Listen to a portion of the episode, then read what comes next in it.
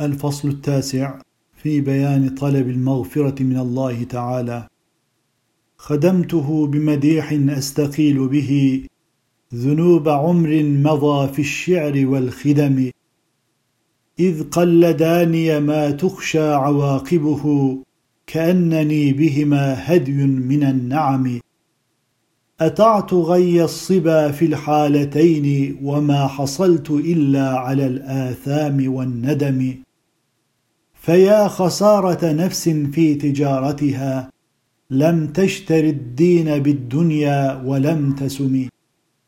ومن يبع آجلا منه بعاجله يبن له الغبن في بيع وفي سلم. إن آت ذنبا فما عهدي بمنتقض من النبي ولا حبلي بمنصرم.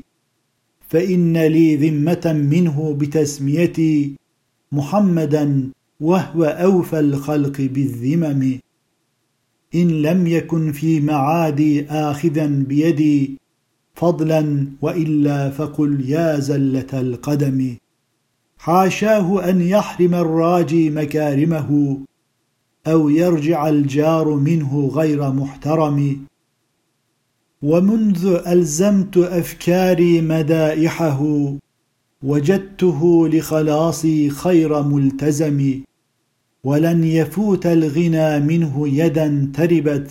إن الحيا ينبت الأزهار في الأكم ولم أرد زهرة الدنيا التي اقتطفت.